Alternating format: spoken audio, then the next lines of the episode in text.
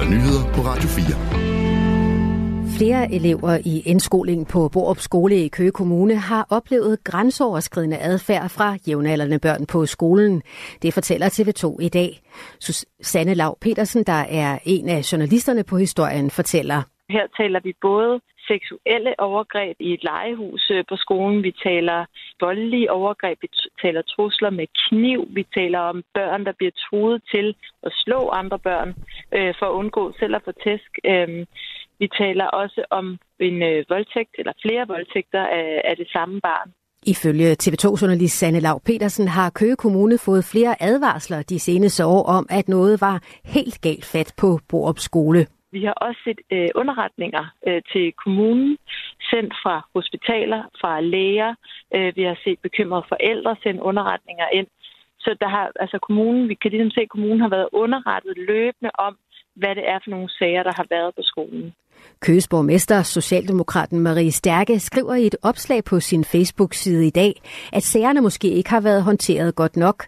Noget kunne tyde på, at en del af opfølgningen på sagerne, som forvaltning og ledelse kender til, kunne være håndteret bedre over for resten af forældregruppen og øvrige elever, skriver hun altså i et opslag på sin Facebook-side. SNDK har citeret en besked på platformen Aula fra skolens leder Jakob Dalgas, hvor det fremgår, at der ifølge skolen er 3-6 børn involveret, som er i alderen 6-9 år. Det norske politis efterretningstjeneste PST har i de seneste år afsløret over 10 børn i alderen 12-15 år, der planlagde terrorangreb i Norge. Det oplyser den fungerende direktør i PST's antiterrorafdeling, Len Havnelid, til den norske avis Dagbladet. Den yngste, vi har afsløret, var en norsk dreng på 12 år med højre ekstremistisk tankegods, siger hun. Typisk er børnene blevet radikaliseret på internettet, forklarer hun.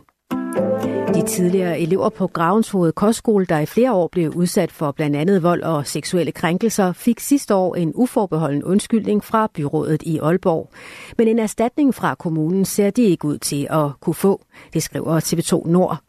Kammeradvokaten, der er kommunens advokat i sagen, har nemlig ikke fundet hjemmel for at give erstatning til eleverne. Ifølge Nordjyske skyldes det, at der ifølge kammeradvokaten ikke er bevis for brud på menneskerettigheder, som var et af argumenterne for erstatning. Sidste år gav byrådet i Aalborg som sagt de mishandlede elever en uforbeholden undskyldning. Stærkt PFOS-forurenet slam fra Korsør endte i 2021 hos Nordic Waste i Randers. Få måneder senere var de mange tons gjort til ren jord, ifølge en jordprøve, som Nordic Waste selv udtog og sendte til myndighederne. Men det undrer både eksperter og tidligere samarbejdspartnere til Nordic Waste. For på det her tidspunkt havde Miljøstyrelsen ikke kendskab til, at nogle virksomheder i Danmark kunne fjerne PFOS fra jord. Det kan vi fortælle her på Radio 4. Oplysningen chokerer Rosa Lykke Yde, der er byrådsmedlem for SF i Randers. Mine alarmklokker bimler og bamler. Jeg tør ikke at sætte to streger under og konkludere noget. Men jeg bliver nødt til at sige, at med de ting, I har gravet frem i den her sag, så er der meget, der tyder på, at der er noget helt galt. Hun vil nu have klarlagt, hvad der er sket med den PFOS-forurenede jord. Vi er simpelthen nødt til at finde ud af, hvor pokker er det her blevet af. Det er jo et såkaldt evighedskemikalie. Det er jo ikke noget, der bare forsvinder af sig selv. Interne mails viser, at Nordic Waste har smidt de 22 tons PFOS forurenet jord ned i jordtippen ved den tidligere lærgrav hos Nordic Waste. Nordic Waste har ikke ønsket at kommentere de her oplysninger. 1200 danske soldater fra alle værn skal blandt andet yde værtsnationsstøtte, når den største NATO-øvelse i årtier løber af stablen. Det oplyser forsvaret i en pressemeddelelse. Værtsnationsstøtte skyldes Danmarks placering ved Østersøen. Det gør os til strategisk vigtigt for hurtig og smidig forstærkning af NATO i det østlige Europa, det skriver Forsvarsministeriet. I alt 90.000 soldater deltager i øvelsen, der løber af stablen fra februar til maj. Den strækker sig fra Atlanterhavet til de baltiske lande, det europæiske fastland og ned til Sortehavsregionen.